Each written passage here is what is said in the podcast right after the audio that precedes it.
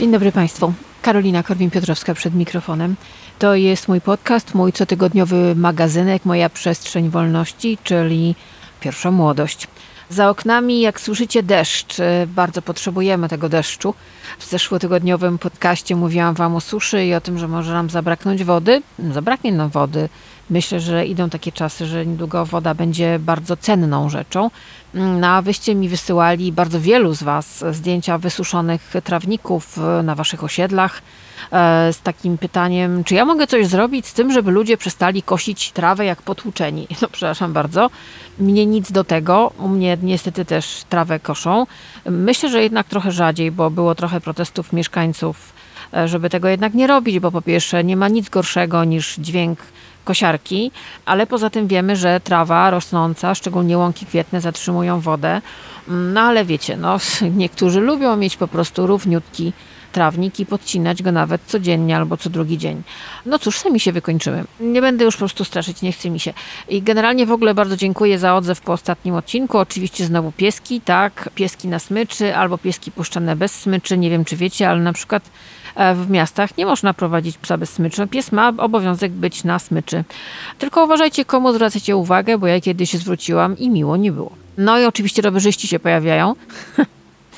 Znaczy, tak, ja wolę, żeby ludzie jeździli rowerami niż samochodami, a, albo zbiorkomem. Ja nie jeżdżę rowerem, ale jeżdżę zbiorkomem. Komunikacja miejska w Warszawie jest naprawdę bardzo dobra i bardzo często z niej korzystam. No ale rowerzyści jeżdżący po chodniku, no to jest osobny gatunek człowieka, muszę przyznać, szczególnie kiedy obok jest ścieżka rowerowa, ale oni wolą po chodniku zasuwać. No i jeszcze oczywiście hulajnogi. No ale już wiecie, nie będę tutaj robiła takiego punktu życzeń i zażaleń, tak jak kiedyś były księgi życzeń i zażaleń w sklepach. No wiadomo jak jest, no ludzie są różni, ja świata nie zmienię, nie po to chodzę na terapię czwarty rok, żeby mieć świadomość, że ja świata nie zmienię. Jedyne, co mogę zrobić, to zmienić swój kosmos. I ten kosmos właśnie zmieniam i zaczynamy podcast Pierwsza Młodość. Przypomnę, że premiera każdego podcastu, każdego nowego odcinka jest w piątek o godzinie 18. Podoba się Wam ta data, ta godzina, mi się to też bardzo podoba. Jest na Spotify, na Apple Podcast i na Google Podcast oraz na moim kanale na YouTube. Przypominam, że mam konto na Patronite i patroni od y, progu 25 mm, mają co tydzień bardzo wypasione newslettery, plus e, e, rzeczy absolutnie ekskluzywne przygotowuję dla Was, tylko czekam na przesyłkę pewną rzecz związaną z seksem w Wielkim Mieście. To będzie tylko dla patronów, tylko czekam aż to coś do mnie przyjdzie. Chyba zrobię pierwszy swój w życiu unboxing. Taki szalony pomysł. No dobrze, proszę Państwa, zaczyta, zaczynamy, zaczynamy, zaczynamy. Ja piję herbatę, bo nie jest za ciepło. Zauważyliście, że ja chodziła w swetrach w czerwcu? Herbatka ciepła, jak zwykle Erglej, proszę Państwa. Zaczynamy, zaczynamy Julią Roberts.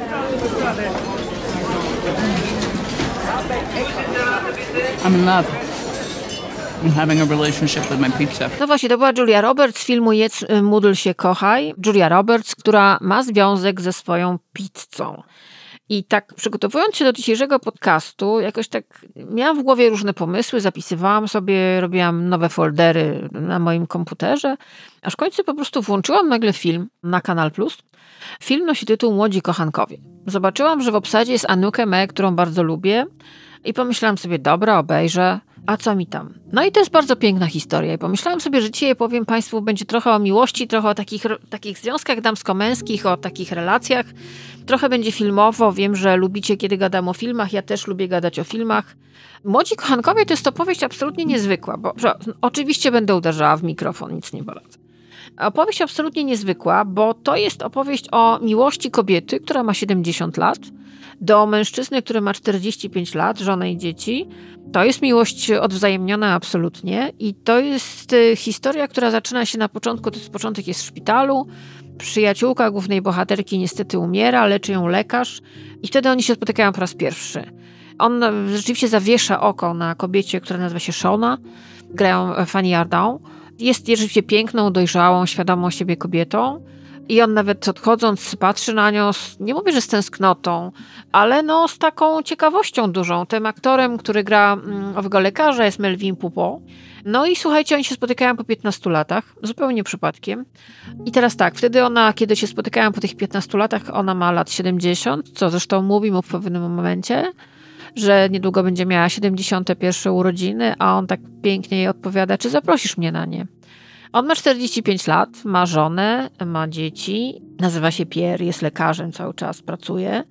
I okazuje się, że między tymi ludźmi, którzy według niektórych kościółkowych moralizatorów i przeróżnych innych, no dobra, nie powiem, innych ludzi, nie mają prawa nawet się dotknąć, nie mają prawa ze sobą być. Nagle się okazuje, że oni ze sobą są. Znaczy, ona staje się jego kochanką w sensie też fizycznym, ale też bardzo emocjonalnym. To jest bardzo ciekawa relacja. Oczywiście on jest też, no, on, on zdradza żonę, żona się domyśla, a potem, kiedy dowiaduje się z kim, no, że tak powiem, jest zniesmaczona.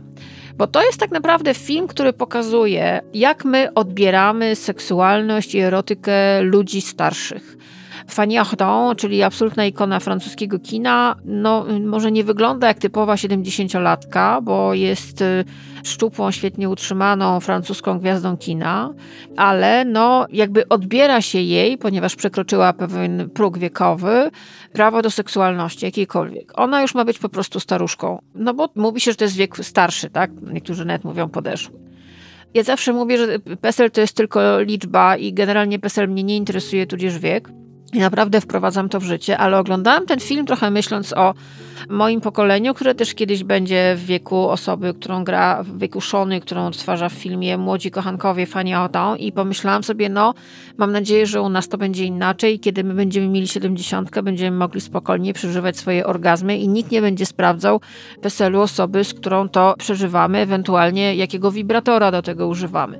To jest opowieść bardzo spokojna, bardzo nastrojowa, nienachalna, gdzie mało się mówi, a dużo się dzieje. Tak jak Francuzi pięknie opowiadają zawsze o emocjach, uważam, że oni robią to naprawdę w sposób mistrzowski, ponieważ oni zawsze są wyluzowani kilka w wiadomym, wiadomej części ciała nie mają. Zawsze byli bardzo otwarci, jeżeli chodzi o kwestie seksu, erotyki, intymności i bliskości. I to w tych filmach widać. Oni nie muszą dużo pokazywać, żeby jednak pokazywać dużo. Wiecie o czym mówię. Tam nie ma sceny erotycznej. Jeżeli chcecie myślicie, że tam będzie 70-letnia e, Fanny Ardant e, z 40-paroletnim Melvinem Pupo odtwarzała sceny erotyczne, to się bardzo grubo mylicie. Tam tego nie będzie, tam będą spojrzenia, dotyk, tam będzie przytulenie, no i będzie zasugerowanie, że ci państwo właśnie przed chwilą uprawiali seks. Bardzo ciekawa też opowieść mówiąca o odchodzeniu bo ten motyw się w pewnym momencie pojawi, nie chcę wam spoilerować, i taka też dająca do myślenia. No może naprawdę warto przeżyć na maksa to, co te lata, które nam zostały. Znaczy, ja zawsze mówię, że my nie mamy czasu. Zresztą to nie ja to powiedziałam pierwsza, to chyba ksiądz Kaczkowski to powiedział, że nie mamy czasu. Jakby nie ma co się zastanawiać, nie mamy czasu. To nie ma tak, że sobie to kupimy, że przeniesiemy coś, że to się da, odłożymy na święty nigdy. Nie, nie, nie. My tego czasu nie mamy i ten film trochę o tym jest. I jak go oglądałam, to sobie pomyślałam, że rzeczywiście on jest o tym. Ten film jest o tym, że my nie mamy czasu i nie ma co się zastanawiać. Jest tu i teraz i robimy to po prostu, bo my nie wiemy, co będzie jutro. Tym bardziej, że te czasy są takie, jakie są. Wystarczy spojrzeć za okno, włączyć jakikolwiek portal informacyjny czy cokolwiek mówię portal, bo ja już nie oglądam telewizji, ale no rzeczywiście y, groza, prawda? Więc zastanawianie się o jej, co ludzie powiedzą i czy możemy, czy wypada, Matko Boska, wsadźcie to sobie dokładnie tam. No właśnie, zresztą posłuchajcie, wspaniała e, Fanny Ardant i Melvin Pupow, e, to jest fragmencik mały e, zwiastunów filmu, którego, do którego link oczywiście dostaną patroni Młodzi Kochankowie, świeżutki film prosto z Francji, proszę bardzo. Je vais avoir 71 ans. C'est qui Shona Lozinski. C'est une vieille dame.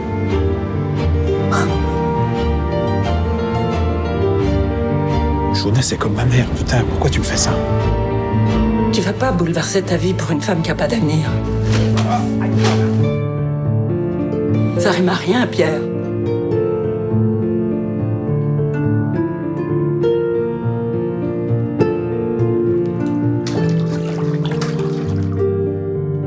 No właśnie. W ogóle jakoś tak mi się ostatnio złożyło w tym filmie Młodzi Kochankowie. Jest taka scena, gdzie Fanny Ardant ze swoją córką i ze swoją wnuczką oglądają coś na tablecie. Za chwilę wam opowiem, jaki to jest film, bo wyłapałam go i obejrzałam specjalnie dla was. Ale tam pojawia się ten fragment muzyczny. I to jest jakby François Le to jest taki kompozytor francuski, to był taki kompozytor francuski, który tworzył takie absolutnie niezapomniane fragmenty muzyczne, te, te tematy muzyczne, które naprawdę nucił cały świat. Autentycznie. Za chwilę posłuchacie czegoś. Mam nadzieję, że każdy słuchacz tego podcastu chociaż raz w życiu usłyszał ten motyw muzyczny. Ja się na tym filmie wychowałam moja emocjonalność, moje podejście do bliskości, moje podejście do drugiego człowieka na pewno w jakimś sensie zostało ukształtowane przez ten film. I jako mała dziewczynka dokładnie nuciłam to.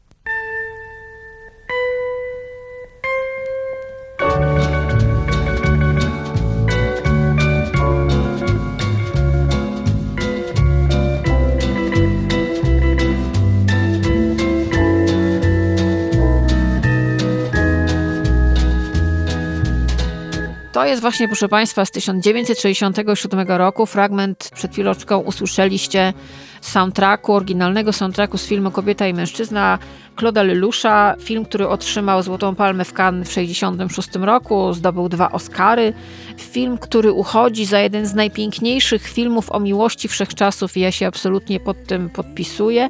No i to jest opowieść o tym, jak dwoje ludzi zupełnie przypadkowo poznaje się ze sobą. To są ludzie już po przejściach. On jest y, kierowcą rajdowym, jego żona nie ma żony, że tak powiem, nie chcę wam spoilerować. Jej mąż był kierowcą rajdowym i on zginął w wypadku. Obydwoje mają dzieci i spotykają się pewnego dnia zupełnie nagle podczas odprowadzania swoich dzieci do szkoły. No i to jest takie rzeczywiście, nie mówię, że to jest miłość od pierwszego wejrzenia, ale to jest na pewno pewien, pewna iskra, która się pojawia, pewne zainteresowanie, pewien błysk w oku. Różnie to zwą. To nie jest oczywiście coś bardzo gwałtownego, to jest francuskie kino, pamiętajmy. Tu się będzie spokojnie akcja rozwijała. Anna, bohaterka grana przez Anoukę Me, no, jest kobietą, która jest, no, można dzisiaj powiedzieć, że jest w czymś rodzaju w depresji po śmierci swojego męża. On był kaskaderem. Ona jest montażystką filmową, cały czas związana jest z filmem i jest kobietą, która nie myśli o tym, że kiedykolwiek e, jeszcze się z kimś zwiąże. Zresztą cały czas ma w głowie czas, który spędziła ze swoim mężem i te retrospekcje pojawiają się w filmie. Fajny jest zabieg, że te retrospekcje są czarno-białe.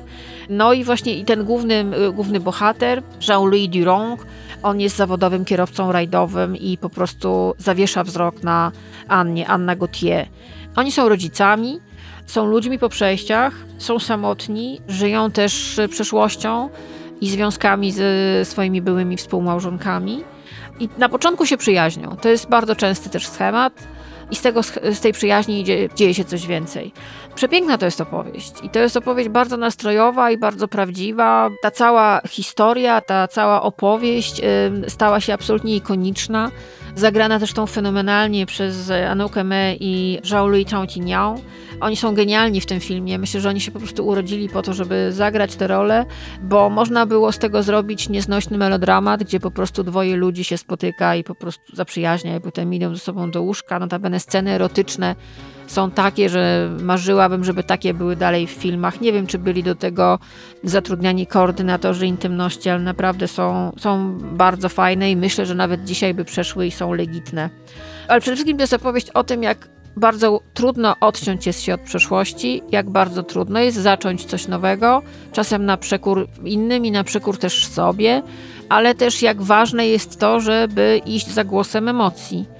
O tym jest ta opowieść, przepiękna opowieść i też opowieść o miłości ludzi dojrzałych, bo to nie są nastolatkowie. To są ludzie, którzy już trochę przeżyli, całowali się wiele razy z różnymi osobami, z różnymi osobami dane im było pójść do łóżka, dotykać się i mówić kocham cię. I okazuje się, że teraz mówią to po raz kolejny, a w tle jest ta niesamowita muzyka, wspaniała muzyka i wspaniała Anukę Me, która no, w tym filmie sięga po prostu moim zdaniem nieba. Aktorka, która zresztą była w latach 60. naprawdę praktycznie noszona na rękach przez świadkina. Ja bardzo lubię ją w Słodkim Życiu i w 8,5 Feliniego, bo moim zdaniem tam jest po prostu takim ikonicznym symbolem kobiety.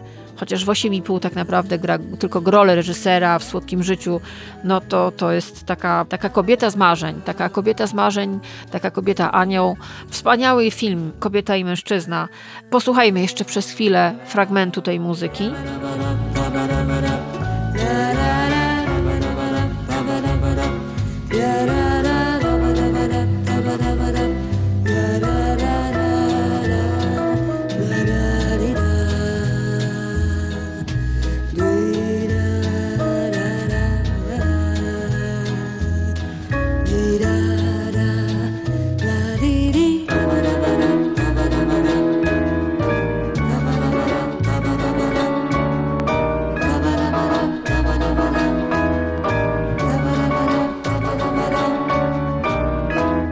Muzykę skomponował Francis Le, zresztą nadworny kompozytor Lelusza. I teraz wróćmy do filmu Młodzi Kochankowie. Tam jest taka scena, że tam mówiłam wam, że na tablecie oglądają coś mama, babcia i córka. No i proszę Państwa, okazuje się, że znalazłam ten film, bo, bo rzeczywiście ten motyw muzyczny wydał mi się dość znajomy i pomyślałam sobie, kurczę, ja to znam, ja to słyszałam. To jest ten motyw muzyczny.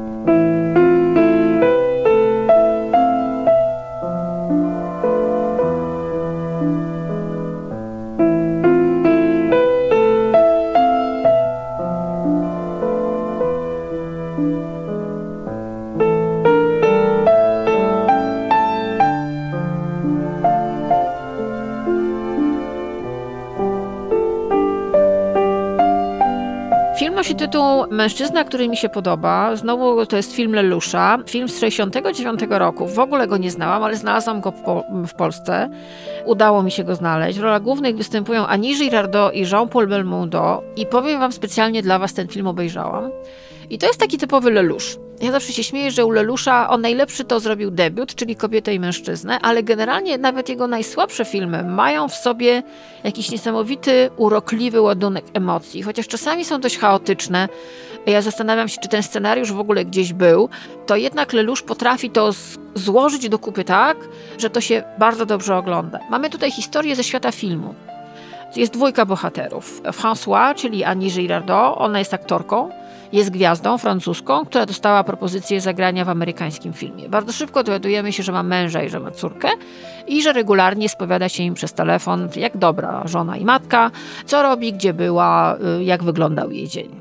A on nazywa się Henri, to jest Jean-Paul Belmondo. 69 rok, to jest szczyt kariery Belmonda. On wygląda wtedy tak, że po prostu każdy chciałby go schrupać. On wtedy gra tak, że no, lepiej się nie da. I ma ten totalny łobuzerski wdzięk. I teraz sobie wyobraźcie, ten Auri jest kompozytorem muzyki filmowej. Zresztą ten film ma świetny początek, on jest w studiu i nagrywa muzykę do filmu. Świetnie to się zaczyna.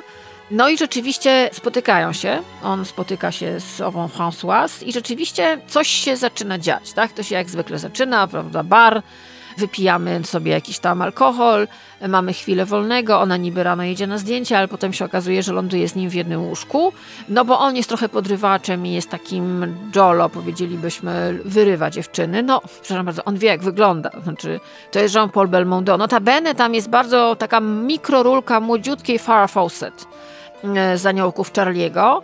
Ona między innymi przeleciała przez jego, że tak powiem, łóżko, ramiona i wszystko inne. No i z ową François ewidentnie on czuje coś więcej niż przelotną i łóżkową znajomość. Tak? To nie jest tak zwany one night stand. On czuje, że to jest coś więcej, że ona się, niektórzy mówią, on się z nią śmieje, on się z nią dobrze bawi, mimo że ona wygląda na po- początku na dość taką zdystansowaną. Okazuje się, że on też ma y, drugą żonę, żona mieszka we Włoszech, jest typową Rzymianką, co on zresztą podkreśla. Ma dziecko z pierwszego małżeństwa, z którym niestety rzadko się widuje. Każdy z nich ma przeszłość. To też nie są nastolatkowie. To są ludzie, którzy już trochę przeżyli, trochę przerobili. Ona jako akto- aktorka jeździ po świecie, spotyka różnych ludzi. No i ta para, słuchajcie, na naszych oczach, ponieważ film jest kręcony w Stanach, jego akcja toczy się w Stanach, oni po prostu zaczynają czy oni wybierają się na taką podróż życia trochę po tych Stanach. Okłamują wszystkich na prawo i lewo, znaczy głównie swoich współmałżonków, że tutaj coś zdjęcia, tutaj jakieś nagranie, a gdzie jesteś kochanie, a dzwonię do ciebie ze studia, a on leży w łóżku, a obok niego owa François. Ona też dzwoni do swojego męża i udaje, że jest bardzo zajęta, że jakieś tam się zdjęcia przedłużają i że coś tam. Oczywiście okłamują na maksa, po to tylko, żeby spędzić ze sobą jak najwięcej czasu w takiej trochę wariackiej podróży przez kawałek, fragment Stanów Zjednoczonych. Duża część tej podróży jest samochodem. Oni go dużo ze sobą gadają, ewidentnie czują się ze sobą bardzo fajnie, między innymi są w Las Vegas, bawią się świetnie. Ja mam takie wrażenie, że trochę się zachowują jak takie dzieciaki wypuszczone y, na wakacje ze szkoły, z internatem, gdzie po prostu ktoś za nimi biegał z pejczem. Znaczy, mamy ludzi, którzy ewidentnie wyrwali się na niepodległość, wyrwali się na wolność i mogą robić co chcą, trochę jak dzieci też momentami, tam są takie sceny. No i w pewnym momencie ona jedzie do Nowego Jorku, bo ma, tutaj już nie ma kłamstwa, naprawdę ma zdjęcia do filmu. On musi jechać do Rzymu, do swojej drugiej żony, która zresztą odbiera go z lotniska i umawiają się na lotnisku w Nicei za 10 dni. No i nie będę wam mówiła, co jest dalej. Ta muzyka Francis Le e, jest cały czas w tle i ten, ten niesamowity motyw muzyczny, który moim zdaniem rozdziera serce. On po prostu jest jak granat wrzucony do jednej z komór serca. Posłuchajcie jeszcze raz.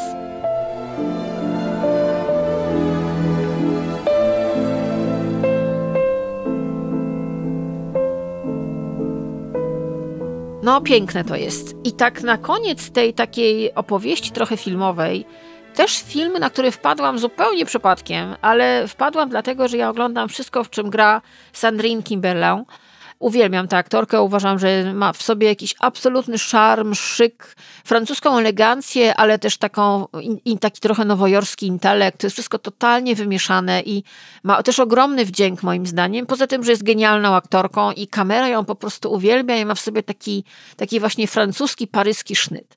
Więc jak zobaczyłam, że ona gra w filmie Pamiętnik przelotnego romansu, Film z zeszłego roku, 2022, no to sobie pomyślałam, kurczę blade, ja po prostu muszę to zobaczyć. Zresztą, posłuchajcie fragmentu zwiastunu tego filmu.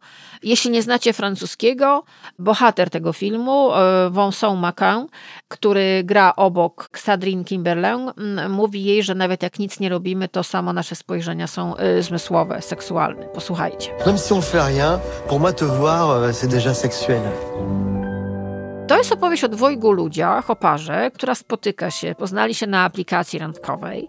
Ona jest samotną matką, on ma żonę i ma normalną, zwyczajną rodzinę. On jest przeciwieństwem Charlotte, bo Charlotte jest kobietą, która ma taki bardzo luźny styl życia, jest bardzo pewna siebie, bardzo otwarta. Ona otwarcie mówi, jak zresztą kobiety w dzisiejszych czasach, o swoich potrzebach.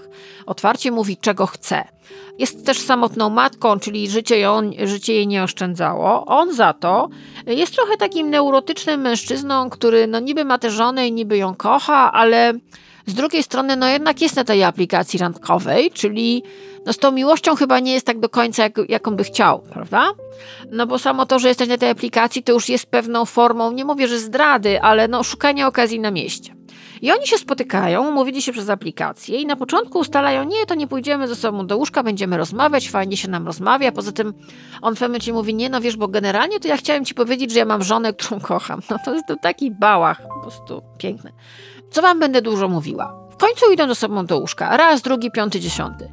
Okazuje się, że świetnie się ze sobą czują. To jest ten sam schemat, y, który jest wcześniej w filmie Mężczyzna, który mi się podoba o którym wam mówiłam, no to tutaj mamy opowieść o ludziach, którzy są przed pięćdziesiątką, którzy mają już gdzieś ustawione życie, którzy dużo, jakieś tam mają, no wszystko jest jakby osadzone, tak, jakieś stałe. I teraz nikt by nie chciał tego zmieniać, nikt by nie chciał tego burzyć, niszczyć szczęścia rodzinnego, robić czegoś, no, dla dobra dziecka, to, kocham, kocham te określenia, naprawdę kocham, mam, to, mam koleżankę, która jest terapeutką dziecięcą i ona mówi, że najbardziej kocha określenie, że ktoś zrobił coś dla dobra dziecka, na przykład się nie rozwiódł, bo ona potem to dziecko u siebie ma na kozetce i po prostu wie, że będzie pacjentem psychoterapeutycznym przez najbliższe 30 lat. No i to jest mniej więcej taka opowieść o takich ludziach, którzy no niby mają coś poustalane i niby wiedzą, jak wygląda życie i niby, niby są szczęśliwi w tym, ale nagle się spotykają ze sobą, świetnie się bawią w łóżku, są bardzo zadowoleni, ale też gadają ze sobą. W tym filmie się dużo gada. Ja lubię takie filmy gadane, jestem wychowana na filmach Woody'ego Allena, gdzie też w kółko gadają. I ci ze sobą gadają. I ja myślę, że to jest też opowieść o tym, że czasami trzeba porozmawiać. Mój tata mi zawsze mówił, że słuchaj, seks jak seks, ale fajnie to jest potem pogadać, a najlepiej to fajnie jest się pośmiać. I myślę, że to jest o tym, że ta historia o tym jest, że oni chcą ze sobą porozmawiać, pośmiać się, pobyć. Bo czasami największą tęsknotą, jaką mamy, to jest pobyć z kimś i czuć się z nim dobrze, albo pomilczeć nawet. Ale że generalnie czujesz to, że z tą osobą możesz to zrobić. I oni nagle okazuje się, że świetnie się bawią. Mało tego, zaczynają spełniać swoje erotyczne pragnienia. Już dalej wam nie powiem, ale to jest opowieść, która jest też bardzo przewrotna. To zakończenie jest bardzo przewrotne. I ta końcówka jest bardzo otwarta i bardzo ciekawa, ale ten film, mówię o filmie Pamiętnik przelotnego romansu, oczywiście link dostaną patroni, jest legalnie dostępny, to to jest taka opowieść, która w ogóle mówi o takim pokoleniu dzisiejszych 45-55+, plus, czyli takich ludziach, którzy nie załapali się na rewolucję seksualną lat 60., dla niektórych byli już boomersami, żeby, żeby załapać się na rewolucję mm, mediów społecznościowych, i tej, tej całego rynku erotycznego, który się wylał razem z internetem, a jednocześnie no, dalej są ludźmi, którzy mają swoje potrzeby i którzy w pewnym momencie, ja to widzę po moich znajomych, mniej więcej, jesteśmy w tym samym wieku, nagle myślą sobie, dobra, kurde, ja, ja naprawdę wszystko zmienię, bo to nie jest tak, że jest za późno. Nie. Ten film i te filmy, o których wam mówiłam, pokazują, że nie jest za późno. Znaczy, że mamy mało czasu. My tak naprawdę nie mamy czasu. I nie ma co, co się zastanawiać. Znaczy, ja myślę, że najgorsze jest po prostu w pewnym momencie, jak się ma, nie wiem, 100 lat i jest się już naprawdę nad grobem, wyrzucać sobie, że się czegoś nie zrobiło, że się jakiejś szansy nie złapało, że się czegoś może nie zmieniło. I ten film trochę o tym jest. Ona, ona chce zmienić i ona jest bardzo do przodu. On jest taki właśnie trochę wycofany, ale w pewnym momencie łapie się na tym, że lubi być z tą kobietą z tą kobietą, która nie chce się od razu po seksie udać pod prysznic, bo chce zachować na sobie jego zapach.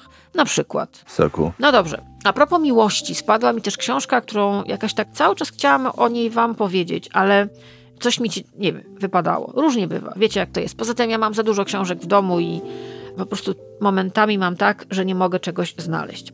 Książka nosi tytuł Krótko i Szczęśliwie. Napisała ją Agata Romaniuk pod tytuł Historie późnych miłości. I tu już wiadomo wszystko, prawie. Ale ja wam coś przeczytam. To jest bardzo piękna książka, którą się czyta trochę ze łzami w oczach i z takim pewnym rozczuleniem w ogóle. Agata Romaniuk spotkała się z ludźmi, którzy rzeczywiście swoje życie miłosne ustawili sobie w pewnym wieku. No, mają trochę, są urodzeni wcześniej, tak to nazwijmy, a ta miłość przyszła do nich według starych zasad może za późno, ale nigdy nie jest za późno na tę miłość ona się z tymi ludźmi spotyka i rozmawia z nimi. To jest trochę opowieść w ogóle o emocjach, które nie mają numeru PESEL. To jest opowieść o tym, że miłość, że seks, że pożądanie, że bliskość nie ma numeru PESEL i zawsze występuje. I to jest w ogóle opowieść o Polsce trochę, trochę o emocjach, trochę o religii, bo to są, różne są wątki. Chciałam wam przeczytać fragment rozdziału, który nosi tytuł My Dear. Posłuchajcie. Przenieśli na dół sypialnię, żeby Joe nie musiał chodzić po schodach. Kupili ekspres do kawy sterowany głosem. Dzięki temu on może jej codziennie przygotować espresso. Przestała pić kawę z mlekiem z kubka w róże. Teraz oboje zaczynają dzień od mocnej dawki kofeiny w niewielkich filiżankach. Potem ona idzie na zakupy, a on ćwiczy jogę.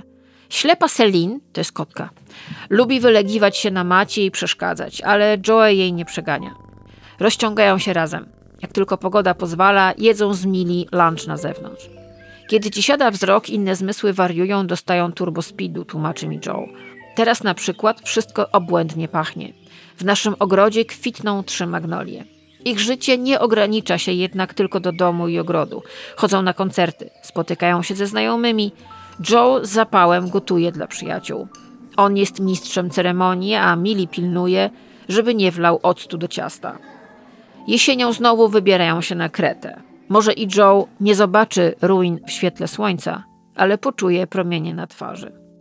Kiedy Mili jedzie do siostry na noc albo udziela się w lokalnym domu pomocy społecznej, wysyłają sobie z Joe wiadomości głosowe. Mili pozwoliła mi ich posłuchać. Jedna z nich brzmiała tak.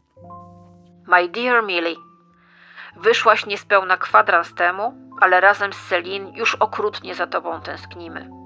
Będziemy wdzięczni za primo – sardynki, sekundo, buteleczkę portera. Od siebie dodam, że nie widzę świata poza tobą. Dosłownie. Czyż to nie jest piękne? Bardzo piękne. I następny fragment też bardzo go lubię. W ogóle jest bardzo fajna książka. I jeżeli myślicie, że już nic was w życiu nie spotka, to powinniście przeczytać krótko i szczęśliwie. Tu jest rozdział, który nosi tytuł Krótko i szczęśliwie. I teraz jego fragment. E, link do książki patroni dostaną. Naprawdę kupcie to, przeczytajcie w bibliotece, warto. Dobra. Nie pobrali się. Jeszcze w 2009 roku Janka sfinalizowała rozwód z mężem, żeby mieć wszystko poukładane. Ale nie chcieli z Romkiem ślubu. To by niczego nie zmieniło, tłumaczą mi. Chcę jeszcze zapytać o różne szczegóły ich wspólnego życia, ale Romek już się nagadał. Idzie do lasu fotografować zimową aurę. Ja zostaję jeszcze chwilę z Janką. Pokazuje mi zdjęcia ze wspólnych wyjazdów, świąt z córkami Romka. Opowiada o psie, którego zaadoptowali przed rokiem, a który teraz śpi przed kominkiem. Stary, po przejściach, ale najukochańszy. Rudy kundelek z oberwanym uchem. Pozwalają mu spać w łóżku, w tej sprawie się zgadzają. W sumie to taka zwykła historia o miłości, mówi Janka, dokładając do ognia. Nie wiem, czy się nada do książki. Jednak dość niezwykła, nie zgadzam się. Najbardziej nietypowa chyba w liczbach. Myśmy mieli 40 lat bez siebie i dopiero teraz te cztery wspólne. To jest 10 razy więcej nie razem niż razem, mówi Janka, idąc ze mną do sieni. Ale tak o nas nie pisz, prosi. A jak napisać? Napisz, żyli krótko i szczęśliwie. Proszę Państwa, jeżeli macie taki moment, że myślicie sobie, że już nic w życiu się nie stanie, bez względu na to, ile macie lat, bo można mieć 20 i myśleć, że moje życie się skończyło. Jest to kompletna brednia, ale są takie momenty. To ta książka, krótko i szczęśliwie, historie późnych miłości Agaty Romaniuk, może być tabletką antydepresyjną i może być naprawdę czymś bardzo pięknym. Bardzo Was zachęcam do tego. Really. No i teraz jeszcze coś a propos miłości. Słuchajcie, miesięcznik Znak, który znam i lubię, cały numer tematem przewodnim uczynił miłość. I jest między innymi tutaj tekst, bardzo fajny, naprawdę, który napisała Karolina Sulej, którą znam i bardzo lubię. Tekst nosi tytuł Miękkimi brzuszkami. Przeczytam wam lit, bo jest bardzo ciekawy. Pracując nad tym tekstem, zapytałam moją przyjaciółkę, jaka jest definicja miłości, która do niej najbardziej przemówiła. Powiedziała, że w chwilach kryzysu w związku powtarza sobie to, czego życzyła jej jedna z gościń na ślubie. Żebyście zawsze odwracali się do siebie miękkimi brzuszkami. Bardzo to jest fajne, nie znałam. Będę stosować, bardzo mi się to podoba. No właśnie, bo to jest tak naprawdę opowieść o tym, jak zmieniała się polska miłość. I naprawdę Karolina w punktach, kolejne to się figura, od figury 1 do figury bodaj 8, tak. Mamy opowieść o tym, jak wyglą- wygląda ta polska miłość. I no, Karolina wykonała ogromną pracę, między innymi analizując, jak się konsumpcjonizm ma do miłości w dzisiejszych czasach. Tak, to jest bardzo ciekawe. Ale na przykład jeszcze ten początek, przeczytam wam. Fragment tekstu miękkimi brzuszkami z miesięcznika Znak, tematem miesiąca y, Znak uczynił miłość. Proszę bardzo. Najpierw wypada określić miejsce afektywne, z którego piszę ten tekst. Jestem 38-letnią cis kobietą, mężatką. Pożyczając określenie odeseistki Olgi Drendy z książki o miłości, identyfikuję się jako osoboseksualna. Fascynują mnie różni ludzie niezależnie od ich płci. Absolutna zgoda. Dalej czytam. Kiedy kilka lat temu przed urzędniczką państwową obiecywałam, że będę się starać, aby moje małżeństwo było szczęśliwe i trwałe, nie zastanawiałam się zupełnie nad tym, na ile politycznie czy genderowo właściwy jest mój wybór. To był miłosny performance, a ja, jak zakochany, który mówi we fragmentach dyskursu miłosnego Barca, byłam po prostu wydana na pastwę swoich figur. Kochałam i kocham. Ale co ja właściwie robię? Dyskurs miłosny jest zarazem jedną z najbardziej idiomatycznych, sekretnych rzeczy, jakie ludzie robią sobie nawzajem oraz najbardziej wszechobecnym spektaklem, jaki zna zachodnie społeczeństwo. Miłość jest oczywista i nieuchwytna jak patriarchat. Dobre zdanie.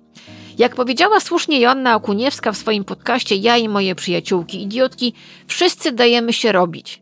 Jakie są dziś, po mitu, w dobie kruszenia się heteronormy, w erze kryzysów ekonomicznych i katastrofy klimatycznej, nasze miłosne schematy?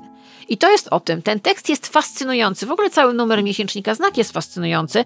Nowa sztuka miłości to jest y, motyw przewodni. Bardzo Wam polecam. Świetny tekst Karoliny, którą jak zawsze bardzo podziwiam. You're not the smartest, you're not the coolest, you're not the best looking, but god damn it, you are something. You've got something that attracts people.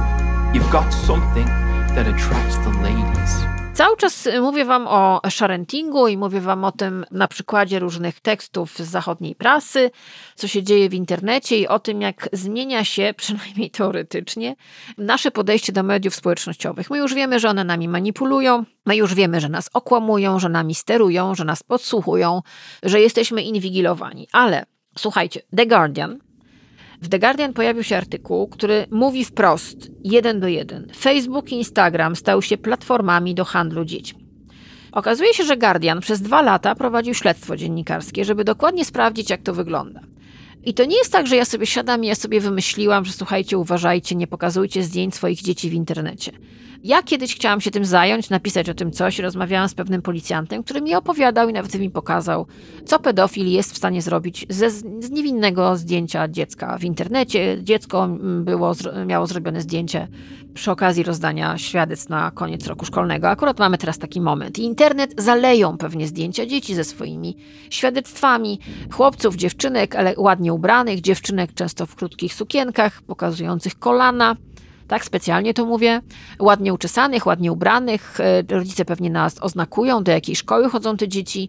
Czasami nawet pojawiają się takie historie, że pokazują świadectwo z danymi z tych dzieci, no bo przecież radość po prostu nie ma granic i po co ja mam ukrywać, prawda? Miejsce zamieszkania albo dane wrażliwe, na bazie których, na podstawie których można znaleźć moje miejsce zamieszkania. No właśnie, słuchajcie, dwa lata Guardian robił śledztwo dziennikarskie, które prowadziły dwa, dwie dziennikarki. I one ustaliły, że uwaga, platformy społecznościowe należące do Marka Zuckerberga, czyli Meta, stały się nie tylko miejscem, w którym na potęgę sprzedaje się treści pornograficzne z udziałem małoletnich, ale też są prawdziwym rynkiem handlu dziećmi, który z roku na rok rośnie. To jest przyrost w okolicach 30%. Nieźle, nie? I teraz okazuje się, że za pośrednictwem mediów społecznościowych, Instagrama i Facebooka, stręczyciele wynajdują swoje ofiary, dzieci, i nimi manipulują i często zmuszają do prostytucji. To się nazywa child grooming. I to jest y, określenie, które już od jakiegoś czasu jest, funkcjonuje. Jakbyście chcieli wiedzieć, co to znaczy. To jest działanie polegające na uwodzeniu dziecka w internecie. Od kilku lat jest znane. W 2019 roku brytyjskie Krajowe Towarzystwo na Rzecz Zapobiegania Okrucieństwu wobec Dzieci, mm, całkiem niezłe, niezłe, niezła rzecz, opublikowało raport. I z tego raportu wynika, że aż w 70% analizowanych przez organizacje spraw do groomingu dochodziło właśnie za pomocą mediów społecznościowych. Ten program też zbadali Amerykanie, no i w Stanach jeszcze bardziej to wyszło, że okazuje się, że Facebook był najczęściej używaną platformą do uwodzenia i rekrutacji dzieci przez, przez handlarzy seksualnych. Drugi pod tym względem był Instagram, a na trzecim miejscu był Snapchat. Wszystkie należą do Mety, czyli do tego giganta Marka Zuckerberga. No i teraz y, wydaje się, że może jeżeli już mamy ten problem zbadany i Amerykanie, Brytyjczycy, Francuzi też robią raporty na ten temat, no to wydawałoby się, że Meta powinna coś z tym zrobić. Okazuje się, że nic bardziej mylnego. My wiemy, że można być na Facebooku czy na Instagramie zbanowanym za tak zwane treści naruszające zasady społeczności i to może być na przykład kobieta topless, ale nie jest się zbanowanym za pokazywanie treści na przykład erotycznych. I to się dzieje. Dziennikarki postanowiły sprawdzić, dziennikarki e, dziennika Guardian, czy oni to w ogóle robią, czy rzeczywiście w mecie jest jakiekolwiek, jakikolwiek monitoring tego, czy są tam ludzie, którzy po prostu monitorują te treści, które się w, w sieci pojawiają, no bo się wydaje, że taka firma, która już wie, bo są raporty, no powinna blokować pedofilów, tak? Przecież wszyscy dość alergicznie reagujemy na hasło pedofil i mamy świadomość, że no sieć jest miejscem, gdzie te dzieciaki się wyłapuje, wyławia. No i się okazuje, że skuteczność mety pozostawia, i to jest eufemizm, bardzo wiele do życzenia, bo się okazuje, że praktycznie jakby na, nawet jeżeli prowadzona jest jakaś sprawa, że oni coś sprawdzają, to potem się okazuje, że na przykład tego konta nie ma, e, że na przykład e, tych spraw jest coraz więcej. No to wiadomo, to ilość tych osób, która prowadzi te, ten monitoring też nie jest za duża. No Mark Zuckerberg lubi sobie pooszczędzać, więc nie myślmy o tym, że jeżeli nawet oni coś wyłapią, to uda im się doprowadzić do końca tę sprawę. Bardzo niechętnie też, jak wiemy, ja też to wiem, bo byłam na policji kiedyś i chciałam zgłosić kogoś, kto mi groził. Policja mi powiedziała wprost, słuchaj, generalnie mamy tutaj y, groźby karalnej, to absolutnie nie ma żadnych wątpliwości co do tego. Tylko Facebook nie udostępni nam danych. To jest właśnie ten problem z Facebookiem, że on nie udostępnia danych, policji nawet. W związku z tym dlatego ludzie na Facebooku, na Instagramie i na Snapchacie czują się absolutnie bezkarni, bo wiedzą, że meta nie udostępni tych danych. E, No bo nie. No bo nie udostępni. I co innego, jeżeli ktoś ci mówi, ty głupia i tutaj trzy kropki. A co innego, kiedy ktoś wyłapuje twoje dziecko, wyławia twoje dziecko z sieci i twoje dziecko staje się obiektem najpierw takiego owijania, że tak powiem, ma, na- nawijania makaronu na uszy, bo to jest przy, przypadek jednej dziewczynki, która w tym reportażu figuruje pod imieniem Maja i ona zale, miała zaledwie 12 lat, kiedy zaczęła dostawać na Instagramie, na swoim koncie wiadomości od pewnego mężczyzny. No i ten mężczyzna był od niej starszy No i na początku zasypał, zasypywał ją komplementami, mówił jaka jest śliczna i w ogóle jaka jest miła i w ogóle wspaniała. No wiadomo, 12 lat to jest taki moment, w ogóle ludzie kochają komplementy, błagam, bez względu na numer PESEL. No i na początku ten pan był miły, wydawało się, że wszystko jest okej. No i ta Maja czuła się absolutnie wyjątkowo, prawda? Kto się wyróżnił, kto się znalazł. No i on e, w pewnym momencie poprosił ją o jej nagie zdjęcia. No i ona mu te zdjęcia wysłała. Mało tego, on jej za to zapłacił. Ona była, tak jak ci pedofile, ci, ci grumerzy ła- wyłapują dzieciaki pod pewnym kątem, że tak powiem. To są dzieciaki zwykle, łatwo jest to zauważyć, że tam nie ma za bardzo opieki rodzicielskiej. No te domy są takie niepoukładane, delikatnie mówiąc. To są dzieciaki bardzo łatwe do złapania, bardzo naiwne często. Nie ma kto sprawdzić, co to dziecko robi w tej sieci. No więc ta Maja wysłała te zdjęcia. Mało tego, on jej potem za to zapłacił, więc dla niej to był y, jakiś moment że radości, że sobie zarobiła jakąś kasę. Dostawała po 40 dolarów za zdjęcie. I co się potem stało? Jemu to nie wystarczało. I on napisał do niej wiadomość o treści, czy możesz pomóc mi zarobić trochę pieniędzy, ponieważ przez jakiś czas urobił ją sobie i oni byli, ona się czuła z nim związana emocjonalnie. No on jej też zapłacił pieniądze, w związku z tym no, czuła się zobowiązana pomóc mu to zarobić te pieniądze. No i się okazało, że propozycja była taka, żeby ona pozowała do zdjęć nago i żeby mu udostępniła swoje hasło do Instagrama, żeby on mógł sam wstawiać zdjęcia na jej profil. No i się okazało, że posty, które on zaczął zamieszczać na jej koncie, przypomnę, ona miała 12 lat, były ewidentnie takimi ogłoszeniami e, o usługach seksualnych. W ogóle on odpisywał na wiadomości, które zaczęły przy, przychodzić, przychodziło ich coraz więcej. No i ona, żeby go uszczęśliwić, no bo on związał ją ze sobą emocjonalnie, bo to jest sprytne. Oni zawsze na, zaczynają od budowania relacji na, na bazie emocji. No, zaczęła uprawiać seks z innymi mężczyznami, z nieznajomymi. No i słuchajcie, ona została w pewnym momencie znaleziona na ulicy w Waszyngtonie. Była półnaga, zdezorientowana, naćpana narkotykami. No i tam mm, okazało się, że ona była po zbiorowym gwałcie, którego dokonali na niej owi y, znajomi tego faceta, który ją nagabywał przez internet. Y, Porzucili ją na ulicy, potem kompletnie naćpaną e, narkotykami. No i słuchajcie, okazuje się, że ten koszmar się nie skończył, bo to jest też potworne w tym wszystkim, że mamy dziewczynkę dwunastoletnią, która jest ofiarą groomingu w sieci, miała konto na Instagramie, gdzie została zaczepiona przez miłego pana, który jej mówił, że jakaś śliczna i fantastyczna, a potem płacił jej za jej nagie zdjęcia, no a potem zrobił z niej tak naprawdę prostytutkę, ale tak naprawdę jej twarz została w sieci, te zdjęcia zostały w sieci i cały czas piszą do niej pedofile praktycznie z całego świata. I to jest historia straszna, ale nieodosobniona. Według śledztwa Guardiana takich historii są tysiące. Jest lato, generalnie za chwilę wyjedziecie sobie na wakacje. Przede wszystkim przed nami koniec roku szkolnego. Naprawdę zastanówcie się 100 razy, zanim opublikujecie zdjęcie swojego dziecka w internecie, zanim w ogóle pozwolicie dziecku mieć e, konto w mediach społecznościowych. Coś takiego jak kontrola rodzicielska powinna być, bo to nie są bajki, to nie są jakieś wyssane z palca historie. To się naprawdę dzieje. Żyjemy w takich czasach, że ludzie potracili wszelkie możliwe zasady. Znaczy ja myślę, że oni ich nigdy specjalnie nie mieli, ale media społecznościowe i internet dają im możliwości do nieograniczonego wręcz rozwoju. I ofiarą padają ci najsłabsi. Ci, którzy nie mają pojęcia, jeszcze nie mają wyobraźni, bo i skąd, nie mają doświadczenia, bo i skąd, to są często dzieciaki. Ta historie się dzieją na świecie. Jestem ciekawa, czy ktoś taki raport zrobi w Polsce. Bardzo by to było chyba potrzebne, zważywszy na to, jak na przykład polscy celebryci sprzedają swoje dzieci w internecie. I kompletnie się nie obchodzi to, co, co pedofil albo handlarz żywym towarem może zrobić ze zdjęciem takiego dzieciaka. Mają to gdzieś, rozumiem, że kasa się zgadza. No super, fantastycznie. Także proszę Państwa, w Guardian, patroni dostaną link do tego tekstu, niesamowity artykuł, zresztą pojawi się też na e, polskie media, kilka polskich mediów go też przetłumaczyło. Okazuje się, że słuchajcie, w Stanach Zjednoczonych o 30% rok w rok wzrasta ilość przestępstw związanych z handlem dzieci w mediach społecznościowych. To są potworne liczby mm, i one powinny no, działać na waszą wyobraźnię. Ktoś powie, nie mam dzieci, to się nie znam, ale znam internet, proszę państwa, i trochę się tym interesuję. Interesują mnie takie historie. I mam też dużo znajomych dzieciaków i widzę, jak ich rodzice walczą z tym, żeby dzieciaki nie robiły głupot w sieci. Od tego jesteście rodzicami, żeby dzieci też pilnować, żeby je sprawdzać. Do 18 roku życia macie prawo sprawdzić pewne rzeczy, macie prawo kontrolować, macie obowiązek robić pewne rzeczy. Bo słuchajcie, czasy są trudne, a ludzie bywają czasami okrutni. I po co złamać życie swojemu dzieciakowi? No i proszę Państwa, powoli będziemy się żegnać dzisiaj. Jeszcze wpadł mi do ręki najnowszy numer miesięcznika L Na okładce jest Alin Szewczyk, m, niebinarny model podbija światowe, światowe wybiegi. W środku wywiad z bohaterem filmu Fanfic, o którym Wam mówiłam. Fajnie, że Alin staje się gwiazdą mediów. Ja myślę, że jeżeli mają być gwiazdy mediów, to właśnie takie jak on. Miałam okazję go poznać, zrobiłam z nim wywiad do kina na podsłuchu w Antyradiu. Zapraszam do słuchania mojej audycji.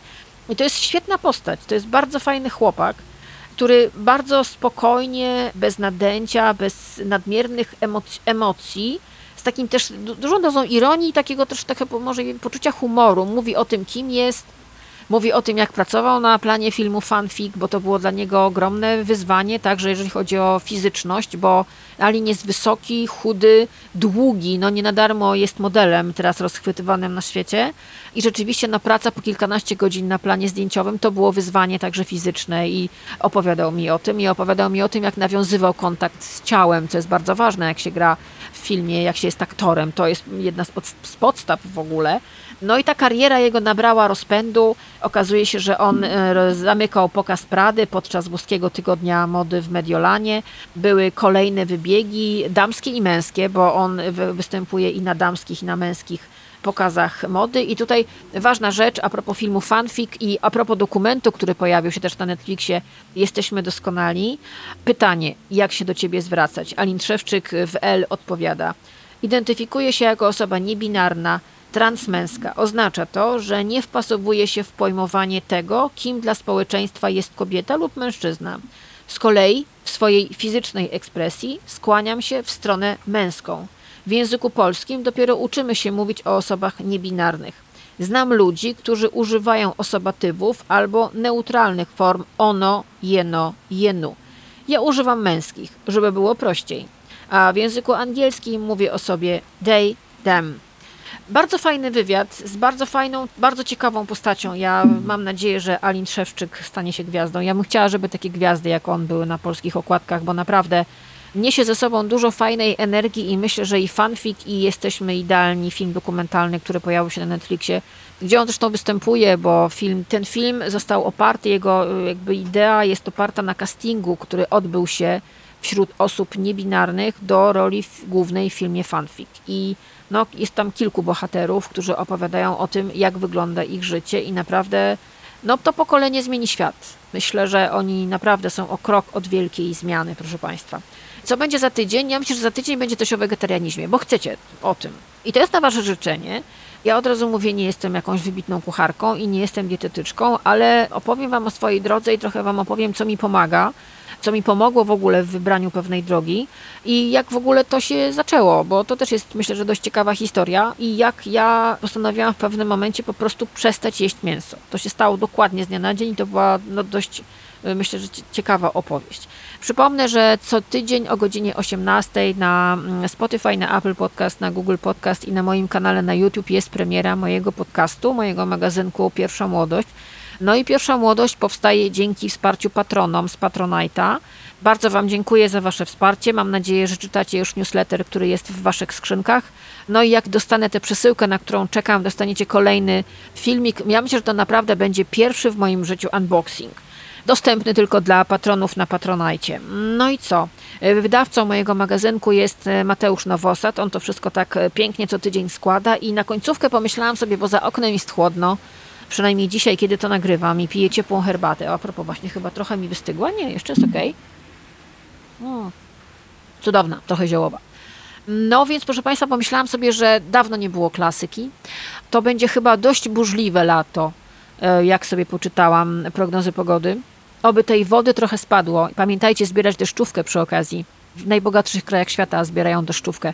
Musimy się nauczyć zbierać deszcz, bo tej wody będzie coraz mniej. I ja nie panikuję, ja po prostu słucham naukowców, a nie cioci z Juty. Z całym szacunkiem dla cioci z Juty oczywiście. Naukowcy mówią, że najczarniejsze wizje, które mieli związane z katastrofą klimatyczną, właśnie się spełniają na naszych oczach. I trzeba być przygotowanym na najgorsze. I pamiętajcie, aha, jeszcze jedna rzecz a propos tych wizji. Jeżeli kochacie swoje dzieci tak naprawdę, a dzieci są nastoletnie, to może zamiast kupować im jakiś kolejny durny gadżet, weźcie ich, za, zaszczepcie na HPV. I nie, nie czytajcie w internecie, że ktoś wam mówi, że jak oni się zaszczepią na, te, na HPV, to okaże się, że będą potem puszczać się na prawo i lewo. Przepraszam bardzo, ale ten, kto tak mówi i tak pisze, ewidentnie chyba się w życiu za dużo puszczał, albo za mało się puszczał, albo w ogóle generalnie seksualność jest jego problemem. Chodzi o to, że jeżeli kochasz swoje dziecko, to powinieneś się na to zaszczepić, bo to jest życie. I mówię to jako osoba, której dzieciństwo zostało brutalnie zakończone w wieku 12 lat, kiedy moja matka zachorowała na raka szyjki macicy. Może gdyby była dziewczynką i można było ją wtedy na to zaszczepić, moje dzieciństwo nie skończyłoby się w tak brutalny sposób. Nie róbcie tego swoim dzieciom. Rak szyjki macicy i cała masa różnych innych nowotworów jest do zapobieżenia, jeżeli zabezpieczycie swoje dzieci teraz. I nie czytajcie w internecie, że ta szczepionka jest szkodliwa, albo że po tej szczepionce wasze dziecko będzie po prostu jakąś maszyną seksualną. A nawet gdyby było, to co w, co w tym złego? Chodzi o to, żeby było zdrowe i żeby żyło jak najdłużej. Znowu się zrobiło trochę publicystycznie, ale wkurza mnie to, że ostatnio w sklepie usłyszałam, dwie baby za mną gadały, w kolejce. I jedna właśnie tam, ewidentnie punktem wyjścia tej rozmowy było to, że jedna z nich ma córkę, która zastanawia się, czy zaszczepić na e, HPV.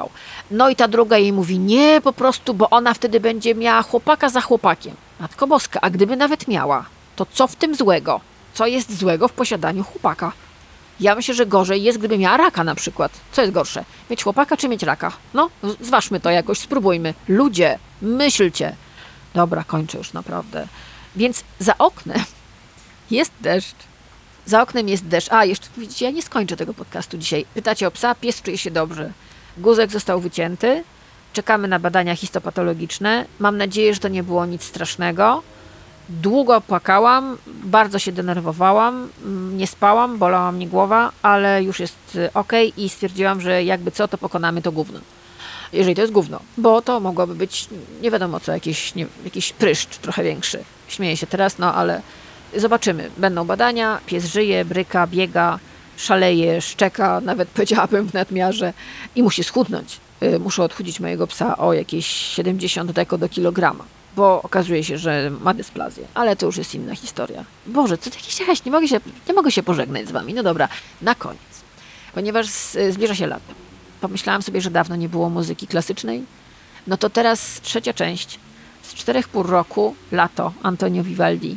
To jest burza, to jest burza według Vivaldiego. Do usłyszenia za tydzień. Bądźcie zdrowi, bezpieczni, szczęśliwi i pamiętajcie, zbierać deszczówkę.